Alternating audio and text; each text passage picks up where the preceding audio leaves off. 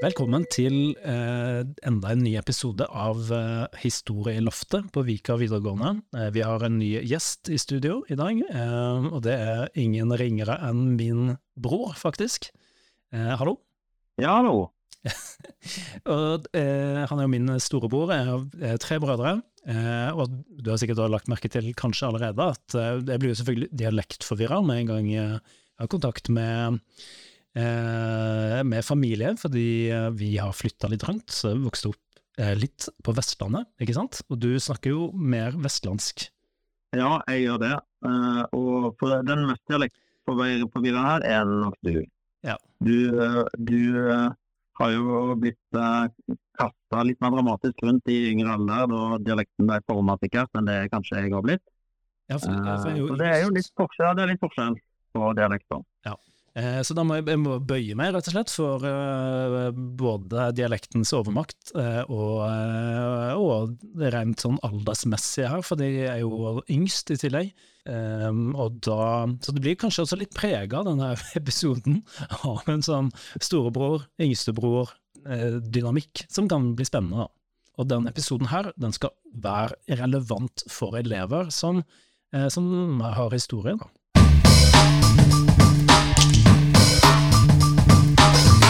Men du er jo også eh, lærer på videregående. Ja, eh, jeg er jo det. Eller eh, jeg er det. Ja. jeg har jeg har òg undervisningskompetanse i historie. Jeg har tatt historie, men jeg har ikke en master i det sånn som du har. Jeg har gått lenger og fordypa meg mer i idrettsstudier på Idrettshøgskolen i Oslo.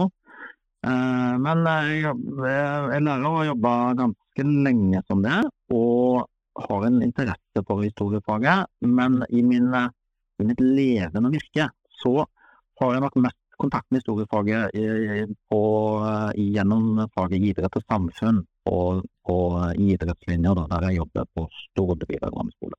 Ja, um, og det er jo egentlig akkurat det vi skal snakke om i dag, for vi, vi har Dette er jo en episode som kommer til å handle om spesifikt historie, eh, og vi har nyere historie i år, det er det jo på VG3, men eh, egentlig så er jeg ikke så veldig glad i å dele historie inn i eldre og nyere historie, jeg syns temaene eh, er litt mer spennende, ikke sant, så tema som igjen er litt mer gjennomgående gjennom tid, så for eksempel idrett, da, da kan det like så godt handle om eh, de olympiske lekene i antikken, for eksempel, eller ikke sant, altså det trenger ikke å være spesifikt nyere historie, men i år eh, skal vi jo ha om um, den kalde krigen og idrett. Og vi har om styreformer og ideologier, det er et av temaene vi skal dekke i år. Så jeg tenkte at veldig ofte så forstår vi historie ut ifra politikk og konflikt og handel, kanskje spesielt de tingene der. Økonom, økonomi, eh, krig og konflikt eller flyktninger, den liksom, positive eller negative sider ved det, eh, og særlig politikk. Eh, og det er jo ikke sånn at alle er dritopptatt av krig og politikk. Um, det er jo ikke sånn at det er den eneste måten å forstå historie på. Altså Historie gjennom eksempel idrett kan jo være minst like interessant, tror jeg det. Ja, nå henvender du deg jo til egentlig en slags idrettsnerd. Nettopp. Jeg er jo egentlig, har jo egentlig vært uh, fra egentlig altfor ung alder opptatt av uh, med en del rare ting innen uh, idretten. Jeg nok det ennå. Vi, vi, skal jo, altså vi, vi, um, ja, vi har jo ideologier, da, ikke sant, så vi har uh, Vi skal begynne å lære litt om kommunismen. Eh, og um, uh, de to veldig forskjellige ideologiene, hvis du kan kalle kapitalismen også en ideologi, det mener jeg at man, at man kan, da. Jeg mener at man kan tenke på det som en ideologi. Eh, og under den kalde krigen så står jo de veldig tydelig mot hverandre i spesielt selvfølgelig USA, eh, eller Vesten, som vi vil kanskje kalle det i dag, selv om det er et litt problematisk begrep, og Sovjetunionen som det største kommunistiske eh, landet. Kan du si noe om altså, var det, også, var det en kamp som bare var politisk og, og økonomisk og militær, eller var det også idrett? Eh, eh, ja, det var begge deler. Eh, og ehm, det var jo Hvis en skal liksom prøve å sammenfatte dette eh, Dette er jo dette nå snakker vi om, om en periode som eh, begynte når Sovjetunionen ble interessert i å gi toppidretten. Er interessert i å bruke toppidretten og er interessert i å på en måte mm, posisjonere seg gjennom det, bruke det som propaganda, ta OL-gull og sånt. Og dette skjedde på 50-tallet. Mm. Så fra 1956, første eh, olympiske leker som Sovjetunionen var med, og fram til egentlig Sovjetunionens fall.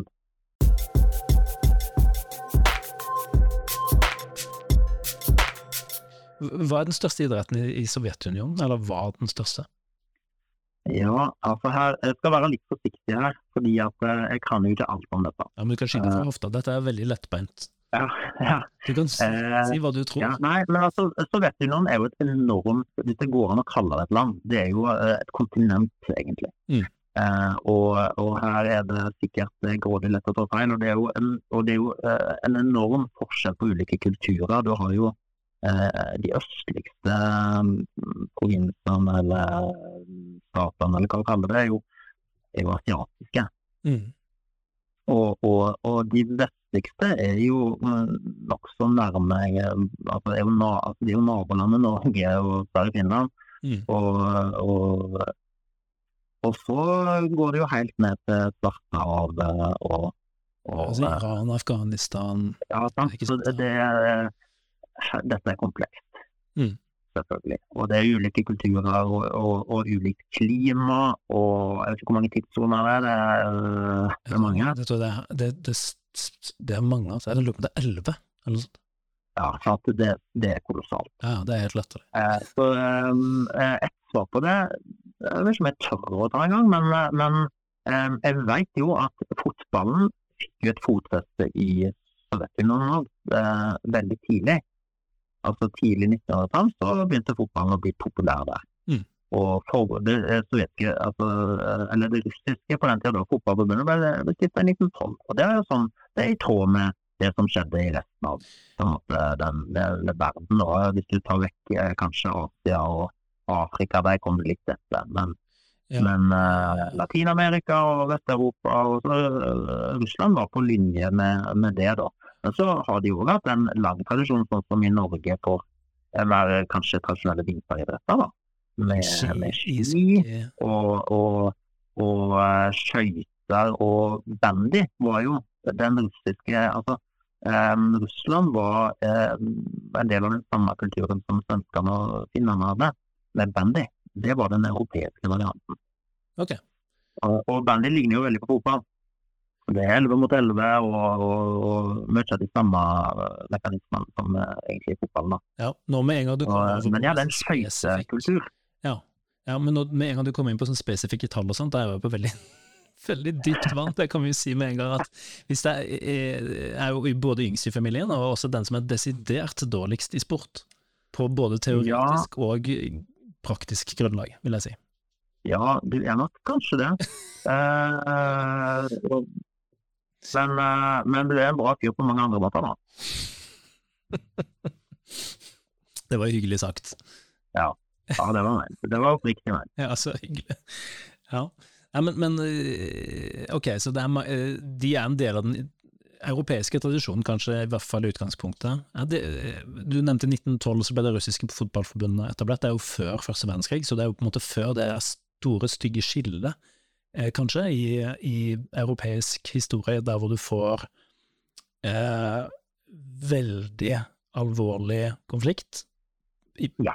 i hele Europa, og også et skarpt skille, første gang kanskje, i hvert fall på mange hundre år, der du får um, en sånn øst-vest-tankegang innad i Europa. Eh, ja, du har hatt det før, kanskje hvis du tenker på det osmanske riket, men med Russland jeg tenker på, det, altså Russland forsvinner jo. Eh, det går til grunne i den russiske revolusjonen i 1917-1918, og så får du en forferdelig borgerkrig, og, og så bare går det videre slag i slag til eh, andre verdenskrig, ikke sant, og så rett over i kald krig. Så, eh, men før første verdenskrig så var det jo selvfølgelig konflikter nå og da, men eh, til og med tsaren var jo i familien, var jo fetteren til kongen av England og keiseren av eh, Tyskland. De dro eh, sikkert og så på idrettsarrangement sammen. Eh, de spilte sikkert bandy sammen. ikke sant? Altså de, eh, det er masse bilder av de og oss, og den norske kongefamilien. Kong Haakon var også en del av de greiene der.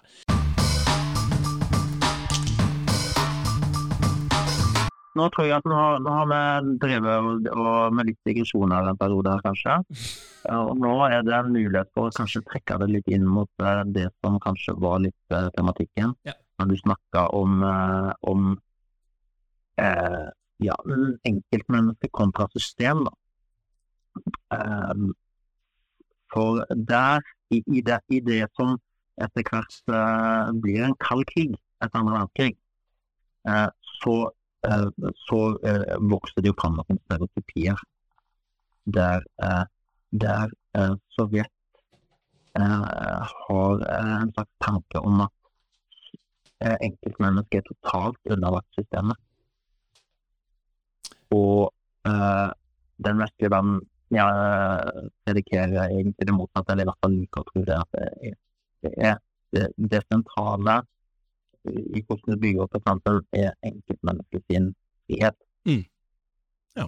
Og, og, eh, og, dette Og her blir jo idretten egentlig ganske fort et slags eh, middel og en, og en eh, arena, en kamparena, nærmest, eh, for disse, disse eh, fiendene møtes jo aldri direkte på slagmarken. Mm det var en kald krig, men idrettsarenaen blir en møteplass. Og, og, det er ganske interessant, og der skjer det mye, mye spennende i, det, i, denne perioden som vi snakket om litt uh, tidligere. da. Ja. Har du noen eksempler, Kan du trekke frem noen av de store dramaene der, da? Ja, um, jeg, jeg, vet ikke hvor viktig det er å være kronologisk her. Ja, det tenker jeg ikke. Men, viktig. Nei, vi skal ikke være kronologiske. Men uh, vi, vi, kan jo først si bare sånn når var den kalde krigen, da. Det kan vi jo si. ikke sant? Ja, det kan, det kan, kanskje du si som historiker. Jeg kan påstå at det var fra 1949 til 1991. Ja. Uh, Og da ja. sier jeg at det høres, uh, høres nok ganske fornuftig ut. Da får du liksom du, får Rett etter, med en gang etter andre verdenskrig, så var det egentlig ganske helt ok forhold. Det var ikke sånn mye drama. Um, ikke sant? De amerikanske og sovjetiske soldater uh, eh, feira sammen og i det hele tatt. Og så ble det ganske fort etter, uh, etter krigen, så begynte det å dra seg til da, med, med konflikt. At det var ja. egentlig to uforenlige verdenssyn. Og, og, det var mye strategi og posisjonering og, og, et maktspill som veldig fort kom til overflaten. Ja. Så du har ekstremister egentlig på begge sider. Du har Truman, uh, som er rimelig uh, ekstrem antikommunist, uh, mm. som styrer i USA. Eisenhower senere, som også var rimelig antikommunist. Og ja. Stalin, som jo er en type helt unik, egentlig, um, statsleder i moderne tid. Veldig spesiell mann. Ja. Veldig problematisk på mange måter. Ja. ja, det kan vi vel uh... Mildt sagt.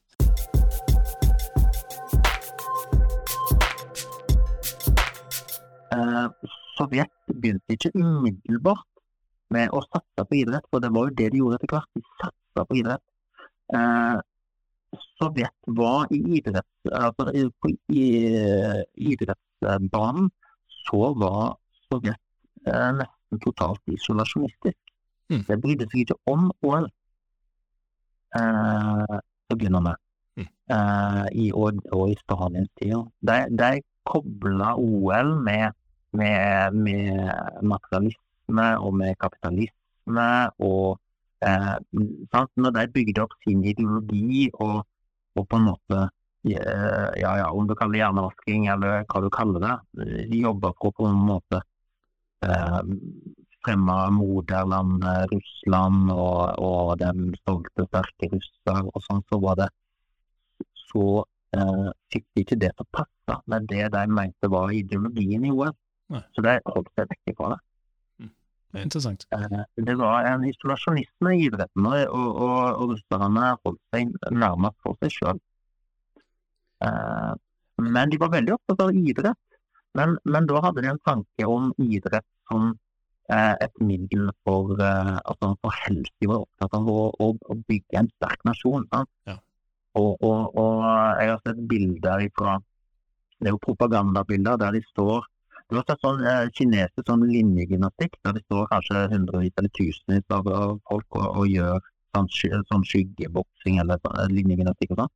Eh, jeg har sett et, et filmklipp fra ja, det fra 20-tallet eller, eller noe, der, der de nå står Det er hundrevis av russiske menn og kvinner, for de var jo eh, det var, De var ikke så opptatt av å dele på kjønn, tydeligvis, og sånn, som står ute på et jorde med redskaper. Og så gjør de gym, gymnastiske bevegelser med redskapene, for her skal jo være arbeidsfolk. Det handler om å si litt, sant. Ja, ja. Når jeg står her og gjør sånne, eh, og, eh, sånne gravebevegelser og hakkebevegelser og arbeidsbevegelser i en treningsregime. Eh, kollektivt, synkront, hundrevis av folk på et jorde. De filmer da. Det er ganske, ganske fascinerende filmsnutt, altså. Huh. Eh, og så, så eh, de var veldig opptatt av, av, av idrett som på en måte trening for å bygge en sterk, eh, en sterk kropp og en sterk nasjon. Mm. Men Stalin var ikke opptatt av konkurranseidrett. Mm. Og han var ikke Det var òg sikkert at de, de ville ikke tape ansikt.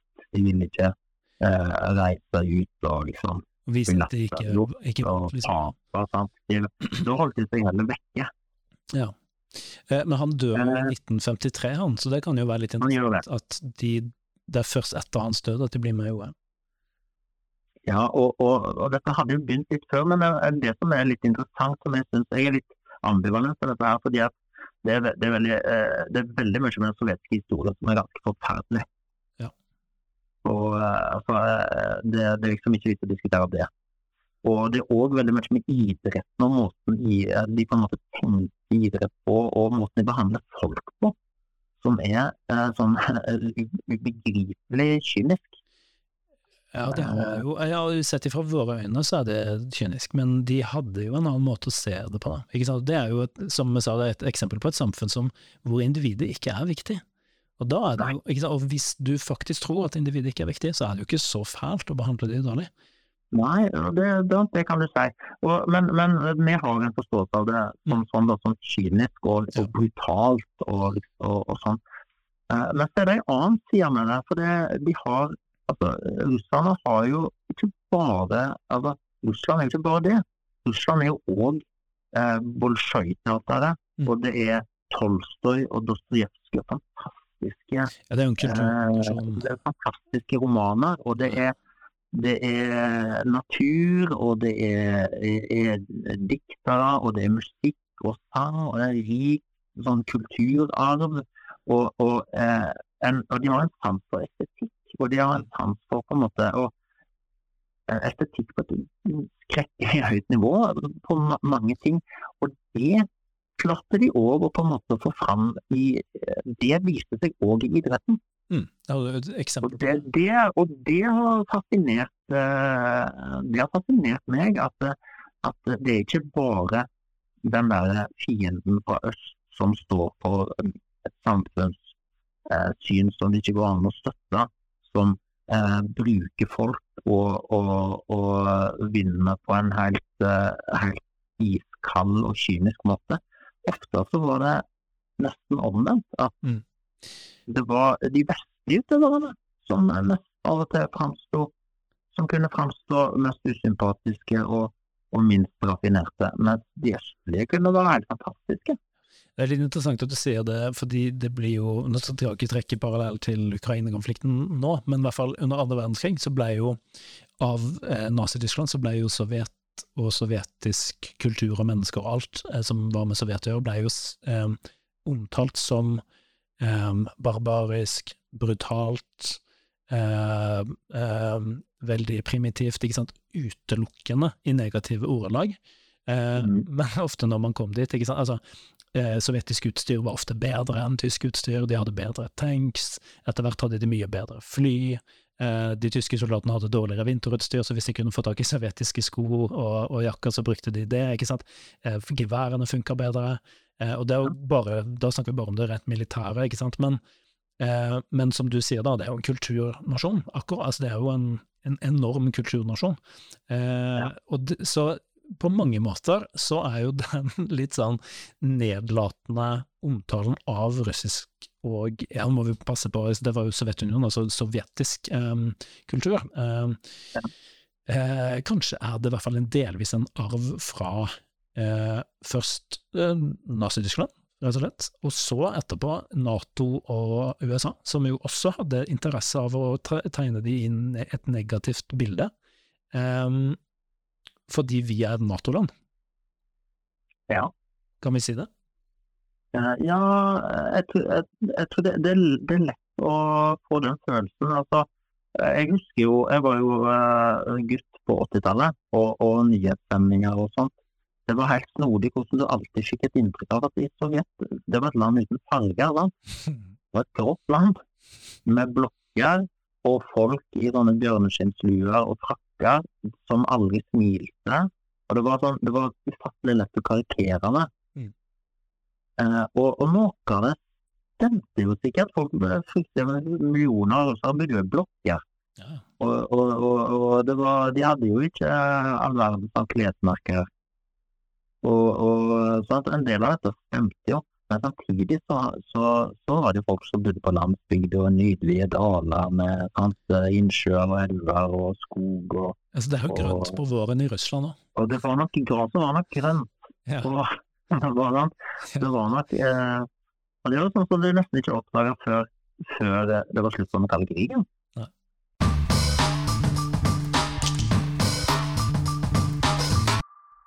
Eh, så skjer det noe på tidlig 50-tall.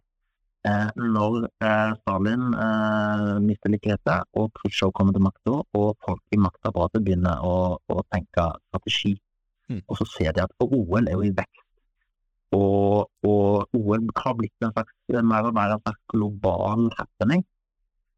Og, og så kommer det denne tanken om at, om at Sovjet skal bruke OL for å vise sin eh, ja, suverenitet, er kanskje feil å si, men, men, sin fortreffelighet og sin viktighet og sine altså, På hvilken måte kan du, eh, kan du bedre vise deg fram enn gjennom sunn og frisk idrettsungdom mm. som briljerer på idrettsbanen. Det er jo veldig visuelt flott og veldig sånn tydelig å se.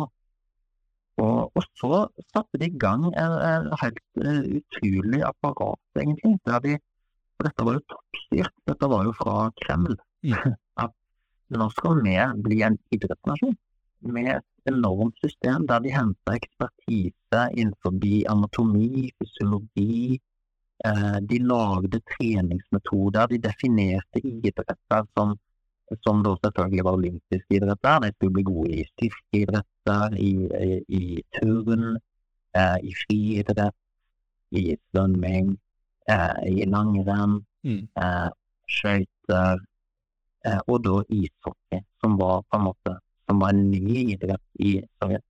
Mm, de hadde bare spilt bandy.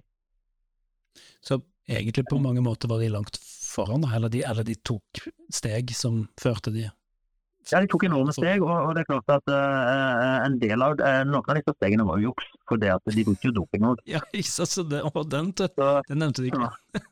Nei, uh, jeg, men det kan ikke bli unevnt.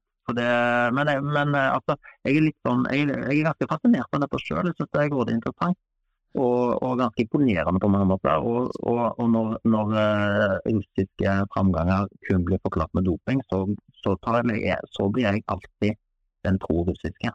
Fordi at uh, det ikke er rett. Så hadde de da denne tanken om at de skulle, sant, de skulle, de skulle få fram olympiske mestere. Det, det, ble viktig for staten.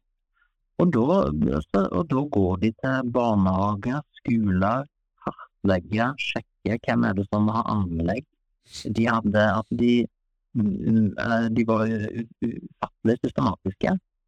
Og, og, så ble da folk eh, sendt på sånne sentralanlegg ganske tidlig for å trene Så dette var jo altså eh, Enkeltmennesket her ble kun ei brikke. Ja. Og så, så er jo det Så er det jo flere sider av det. For, for noen var det kanskje et slags privilegium òg å få være profesjonell idrettsutøver. Men samtidig var det jo Det var en kynisme i systemet. Og, og du ble jo Når du var på vei fram, og når du var god, så var du nyttig for systemet. Men du var bare ei brikke, du kunne ikke gjøre som du ville. De reiste til, de reiste til Vesten, de reiste til mesterskap. De deltok, men de var jo på en måte samtidig fanger i et system. De kunne jo ikke gjøre det de ville. Det var jo folk i, med hatt og frakk som alltid var, var med i delegasjonen og passa på, og ting ble rapportert. Og, og det var jo en helt reell trussel om at hvis du hvis du ikke følger våre regler, så er du ute av vårt system, eller kanskje du faktisk blir sendt en tur til Sibir.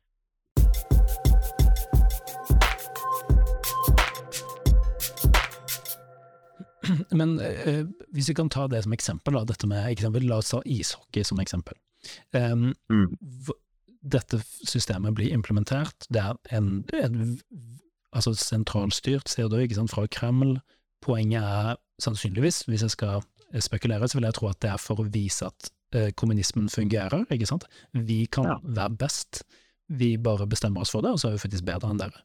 Eh, Og hvis vi kan vise det, så er det jo på en måte det er bevis på det, da, hvis vi kan få det til. Um, og det har jo politisk sprengkraft, selvfølgelig. Men, Ja. eh, men hvordan går det? Funker det? Det, det, blir jo, det blir jo en eh, For, for Sovjetsystemet så blir det jo en overveldende suksess veldig fort. Eh, De var vel med i det første OL i Melbourne i 1936, og da regner jeg at de ble beste nasjon eh, med en gang. Og da var de nok godt forberedt. De hadde nok ikke reist der som en sånn en ledd i en prosess og liksom tatt det som det. De, de var nok mm, Det var nok en grunn til at de ikke var med i OL i 1932, for å si det sånn. Eh, og eh, kanskje, kanskje det mest fascinerende eksempelet på hvor egentlig flinke de var da, til å, å få fram eh, ja, den skaper fantastiske resultater på veldig kort tid. Mm. Må vel være det, I idrett så snakker du jo som regel om at du skal ha en kultur. At vi i Norge er gode, gode på ski fordi vi har en kultur. Og i, i Brasil er de gode fotball fordi de har en kultur. Mm. Det er ikke sånn at eh, du kan eh, ta med deg en fotballer til et land der de ikke har spilt fotball før, og så ti år etterpå så er de kjempegode. Det er ikke sånn det fungerer. Men eh, i ishockeyen, der brukte de da sin systematikk og, og, og sin De hadde jo en tradisjon for skøyter og for bandy. Og så eh, hadde de òg en eh, Var de flinke til å få fram veldig gode trenere som eh, revolusjonerte treningsmetoder. Og, eh, og så hadde de selvfølgelig et fortrinn med at de kunne jo De hadde jo utøverne De hadde jo makt over utøverne 24-7. Ja, de kunne styre. Så de kunne jo drive, de kunne jo drive profesjonelt i en tid når de fleste andre ikke gjorde det. Mm. Eh, Og det er klart, det var nok veldig sentralt. Og, og eh, den russiske ishockeyens far, Anatolij Parasov, han var, studerte den kanadiske hockeyen. Canada var jo hockeyens hjemland. og Han studerte den og leste bøker og reiste, reiste til Canada og så og tenkte. og liksom, Han hadde fått et oppdrag eh, at Sovjet skulle bli best i verden i ishockey. Mm. Eh, og så han ville lære av de beste. Og, og, og, og så fikk han ganske fort en tanke om at hvis vi skal prøve å kopiere Canada, så, så filmen bare bli en dårlig kopi. Så han måtte prøve å lage noe nytt. Det er jo interessant, for det du, det du har sagt tidligere, er jo at den sovjetiske var Altså, det var mer presisjon, mer samspill, mer finesse. Ja, for det, det de klarte å få til, da, var, var eh, gjennom altså, utrolig sånn systematisk eh, og innovativ trening. Da. eh, så klarte de å, å få til en annen måte å spille på. Mm. Og det er, er jo egentlig nesten uten sidestykke i historien når det gjelder lagspill da, på, på et sånt internasjonalt nivå. Så der var da hjemme i Sovjet, hadde ingen impulser, det var ingen spillere utenfra. Det var ingen liksom Messi eller Cristiano Ronaldo som kom til deg og viste de hvordan, hva er egentlig toppnivået er. Nei, de hadde en Tarasso som hadde vært i Canada og, og, sett på, og liksom tenkt og skribla på papir. Og så gikk han hjem og lagde sine modeller, og så uh, plukka de bandyspillere og gjorde de om til hockeyspillere. Og så lagde de en, på en måte et nytt spill der det var uh, der de skulle uh, de klemmene som på isen, skulle samarbeide med å liksom og sirkle rundt på isen. Eh, det var en veldig sånn klassisk forskjell. at Canadierne gikk rett fram, gikk fram og tilbake, mens russerne sirkla. Gikk i sirkler. Mm. Og, så, og så sendte de pucken fra mann til mann, og så venta de på De var ikke så, så, direkte og så opptatt av å skyte hele veien. De venta liksom på muligheten til å spille fri en spiller som ofte kom bakfra, og la igjen pucken til folk som kom bakfra, og, og kombinerte. og Um, det var ja, mindre kontakt, mindre brutalt. Mer finesse, mer presisjon, mer lag. Mm. Eh, og, og, nå er ikke jeg hockeytrener i den forstand, men, men um, den moderne hockeyen har nok tatt veldig mange impulser fra det som på en måte ble lagd nærmest på et laboratorie ja. i, uh, i Moskva på 50-tallet.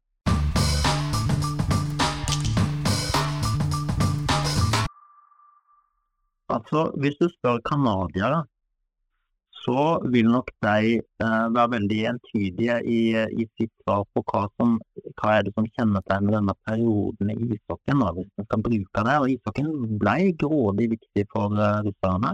Mm. Eh, de vant uh, de vant OL og VM nesten, nesten sammenhengende fra de kom på banen. Mm. Eh, og, og eh, Canadierne vil nok si at eh, det var, eh, det var den såkalte Summit Series i 1972. eh, der eh, da diplomater fra både eh, russisk og kanadisk Nå snakker vi litt om Canada og ikke USA, men de representerer på en måte det samme Ja, det vil jeg si. eh, i, den, i den kalde krigen. Og, og i ishockeyen så er det jo Canada som er liksom det er, jo, det er jo det som er motpolen, eller det er Sovjet som er motpolen til Canada. Ja, jeg har jo også bodd i USA, jeg kan bekrefte at veldig mange amerikanere faktisk, akkurat når det gjelder ishockey, som mange amerikanere også ser på, så, så Ja. er det faktisk ofte kanadiske lag de følger, og ikke nødvendigvis amerikanske. Ja, og for de har jo de, de lengste tradisjonene. Mm. Og, og, og det blir jo NHL er jo en kanadisk og amerikansk eh, liga. Mm. Eh, nei, eh, så i, i eh, altså forspillet til det som skjedde i 72, det var jo midt på det, i den virkelig, virkelig kalde krigen. Eh, det var jo at, at Sovjet hadde jo tatt hegemoni i ishockeyen. Og, og hadde dominert i nesten to tiår med, med mange storlag som, som hadde så, altså, dominert OL og VM. Stort. Eh, og, men det som eh, Og det var nok sårt for canadierne, for de hadde jo dominert før.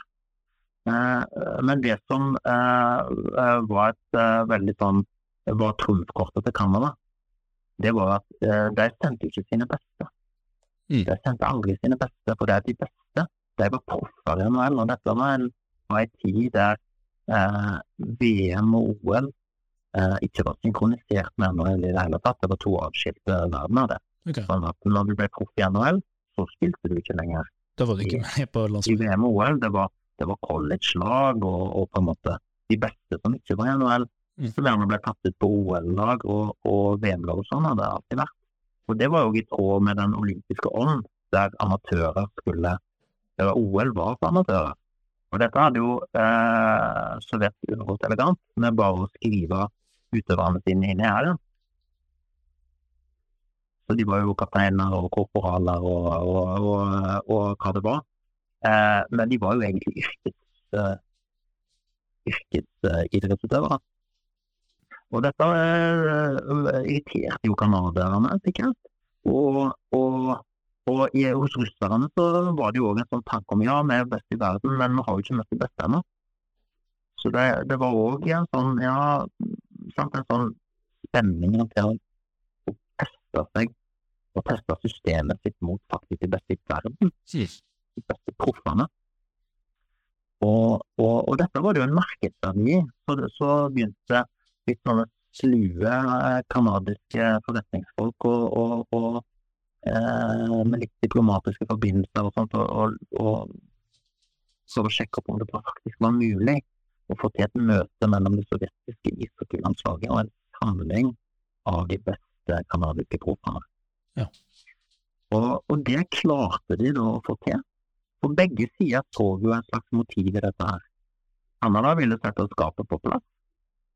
Og, og Sovjet så det som en slags mulighet til å på en måte eh, virkelig få bevist at de, at de kan slå proffene. Sant? Kan, kan se de beste, og ikke bare være best når, når de beste proffene ikke er med. Mm.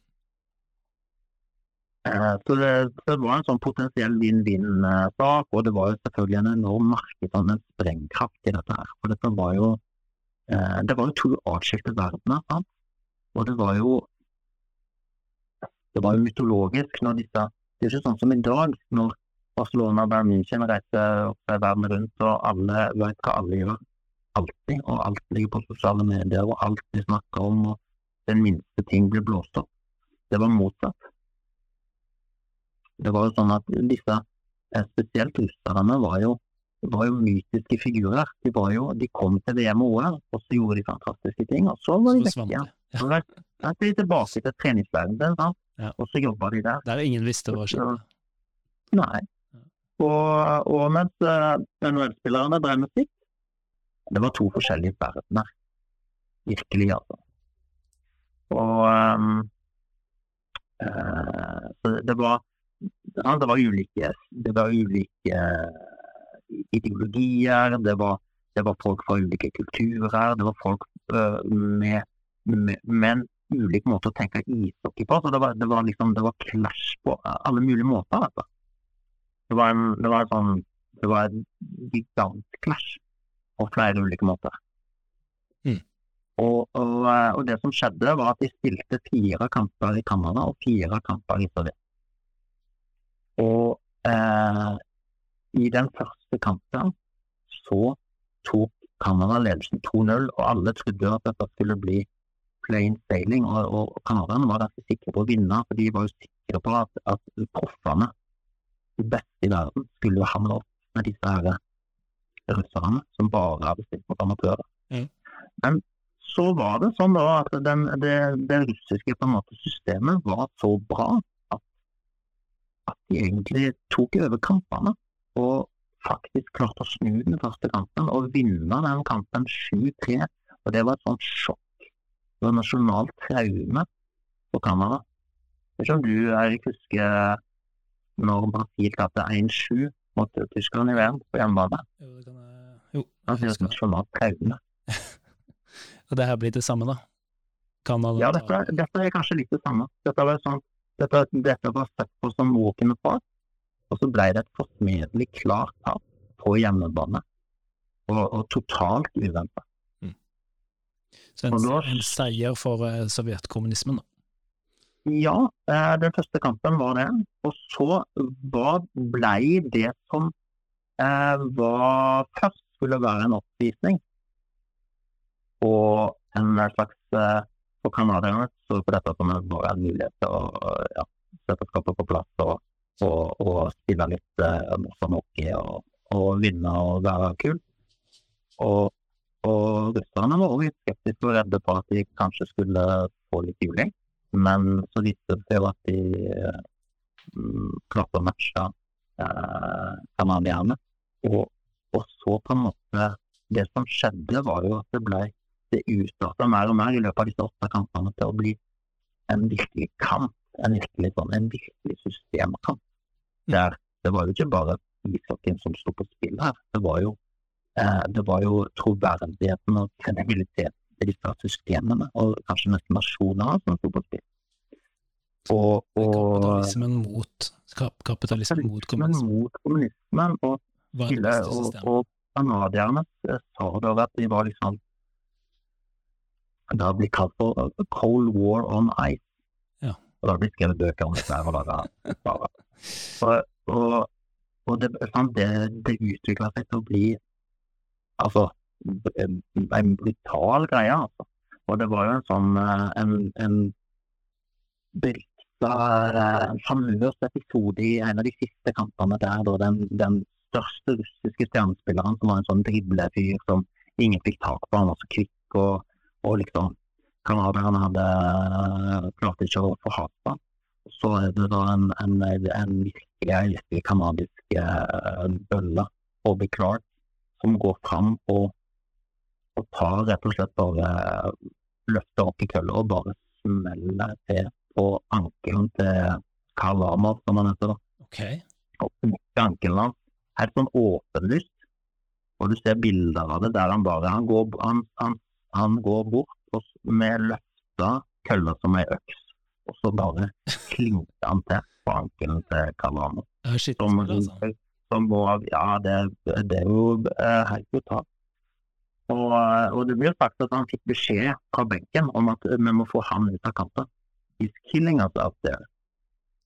Det er jo, han det er jo Karate Kid, det er sweep the leg. Det, det er sweep the leg, ja. jo 100 sweep the leg. Og eh, eh, Bobby Clark sa jo etterpå at uh, I knew it was a terrible thing to do, but it sure as hell felt good. Ikke bra. Så- Det setter jo Så det var jo eh, Det det er kanskje litt vanskelig å, å, sette det inn i vår tid, da, men jeg tror at- disse spillerne um, så på seg sjøl som i hvert fall som noe mer enn idrettsfolk. De Mm. så på seg sjøl som en ledd i noe som var definitivt var politisk. Det var veldig politisk. Ja, som folk Eh. faktisk følte veldig sterkt for. Ja, de var soldater. Mm.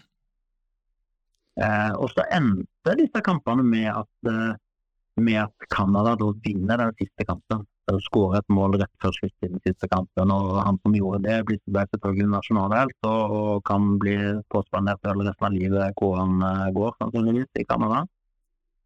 Um, og um, uh, og Canada fikk jo på en måte berga på en måte posisjonen sin i egne øyne da, som eh, Hawkins hjemland, men russerne fikk en slags eh, respekt for sitt system. Da, for de hadde jo vist at de hadde faktisk klart å, å matche eh, og være fullt på høyde med da, disse NHL-proffene. Mm. Og det er vel eh, For hele denne perioden så er kanskje det det mest intense og, eh, og mest, mest sånn mangefasetterte møtet mellom øst og vest i denne perioden. Mm. Kanskje Hvert fall i sånn så vidt jeg kan se, da. Det er um, Summit Series 1972. Mm. Det er uh, fascinerende greier.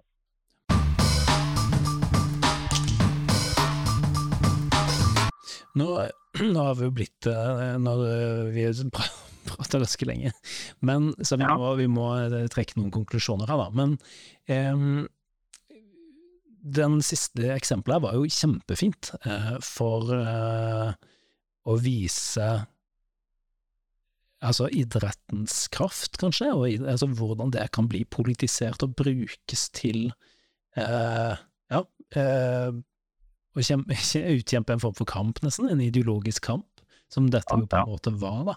Og også ble følte sånn for de som sikkert så på og, og utførte sporten, idretten. Em, kan vi si da, altså dette er jo da kanskje en, kanskje spesielt handler dette om egentlig kommunisme, Um, uh, som ideologi og system, i hvert fall i, i, altså hvis du har et ganske sånn toppstyrt kommunistisk system, um, som man hadde i Sovjetunionen, uh, som hadde mest fokus på staten, kanskje, og, og samfunnet, og mindre fokus på individene. Og em, hva, hva, er de, hva er styrkene i et sånt samfunn? Hva vil du si? Eh, To styrker og to svakheter. ja, La oss analysere det litt. Ja. Um, Men ja, de eksemplene vi har hatt, da. Ja. Um, to, um, to styrker. Altså, um, sovjeterne mm, forfekta jo fellesskapet. Ja. Eh, og, og det kan vi jo kanskje si at vi òg gjør i vår eh, eh, i Norge i dag. Vi snakker om fellesskapet. Ja, Og hva vi legger i det er nok kanskje litt forskjellig, men det er òg kanskje litt likt. Verdien av et fellesskap da, og verdien av å stå sammen. Og det er jo noe av det på en måte som er, er, er, er mest spiselig av kommunisme, er vel, eh, er vel kanskje det. Mm. At fellesskapet At det eh, Fellesskapet har en verdi, og, og prøve å måte holde det sammen og få det til å fungere, det er, er en bra ting. Mm.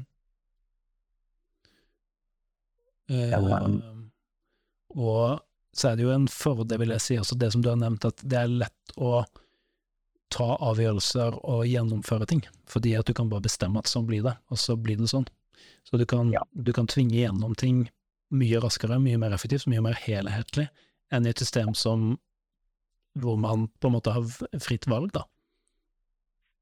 Og, og, eh, og, og, Uh, og hvis du klarer å, å, å besitte de rette posisjonene med de kraftigste personene, så vil du kanskje òg klare å få gjennom ganske fornuftige ting, ganske gode ting. Det er jo alltid spørsmålet om, om en klarer det, da. Eh, nei, det, det, det som virkelig er ille med det, er, er jo uh, menneskesynet. Ja. Eh, både egentlig på både, både på en eller annen merkelig måte på fiender og på undersåtter eller, eller altså russere. Da. Jeg vet ikke om russerne hadde det. De hadde det kanskje litt bedre enn Australia. de hadde det under den tyske invasjonen. Men det var jo nesten flere som ble drept etterpå. Eh, Ikke, ja, det er vel ikke helt rett, men eh, 30-tallet, egentlig. Men, eh, men fall, men, det, men igjen, da, man, man må nesten skille mellom Stalin og Sov Sovjet for øvrig. Ja. For det er ikke Det fortsetter ikke sånn når han dør. Ikke på noen måte. Eh, Det er litt, litt viktig å si, da, for det er en del som tenker at liksom, sovjetkommunisme Sovjet, kommunisme var grusom hele tida, men det var egentlig mer under spesifikt Stalin, og idet han dør, så stopper det opp ganske brått, altså.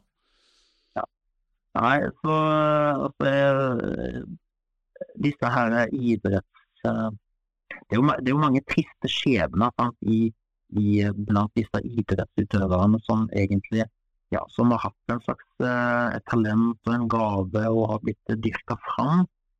Og så, eh, så, så er det jo en ja, det, Så ligger denne kynismen der hele veien, da. Og så så blir de, når de er ferdige, så blir de eh, skvist unna kanskje, eller de blir glemt, eller de blir værende i systemet og forfaller. Og det, Mm. ja, det, er mange, det er jo mange som har slitt med alkoholisme, og mange har, ja, for, eh, har på en måte forfalt eh, eh, sin idrettskarriere da, på en, på en sånn eh, mye mer brutal måte enn det som eh, virker å, å skje med, med, med eks-utøvere i vår del av verden. da, Selv om det selvfølgelig skjer hos oss òg. Men der virker det som det nesten er en naturlov. at når, det, når du har vært en atlet i det sovjetiske systemet, så blir du smellfeit 50- og 60-åring som røyker drikker opp. Og, liksom, da tar du igjen for eh, liksom, Tar 20 år med Den sunne livsførselen, på en måte. Da, ja, det er et eller annet med på en måte Det er veldig langt unna den der greske harmonitankegangen, da. Ja, ja. Uh, det er med sjel i sunt og, og, de tingene der.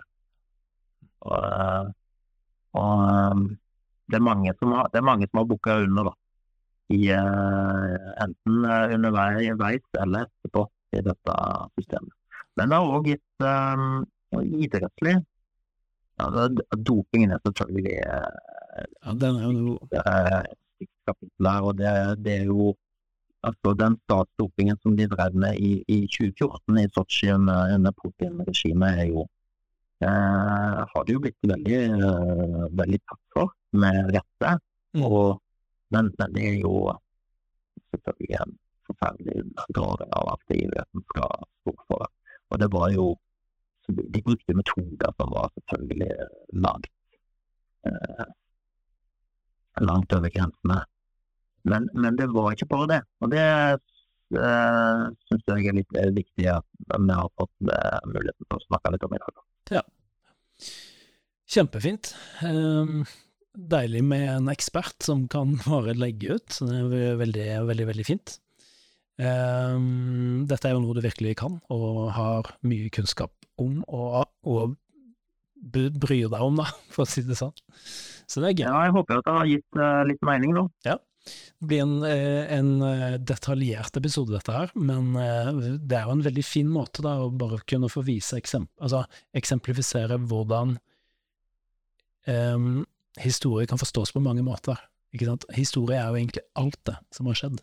Absolutt alt, innenfor alle eh, alle deler av samfunnet, og også utenfor samfunnet. Alt det er egentlig historie. Så eh, ja, det kan være litt, litt, viktig å få frem. Da. Det er ikke bare politikk og krig, eh, det, er, det, er, også alt annet. Da, eh, da må du ha tusen takk. Eh, skal, skulle ha sendt et eller annet hyggelig til Stor da, som en oppmerksomhet, men det, får, det blir i hvert fall en podcast-episode.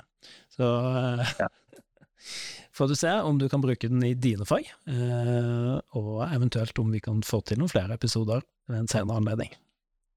Ja, det får vi se. Ja, men ja, tusen takk for en, en hyggelig prat, og så får du lykke til med, med både podkast og andre ting framover. Tusen takk skal du ha. Da må du hilse, og så snakkes vi. Ja, vi gjør det. Ha det, ha det. Ha det.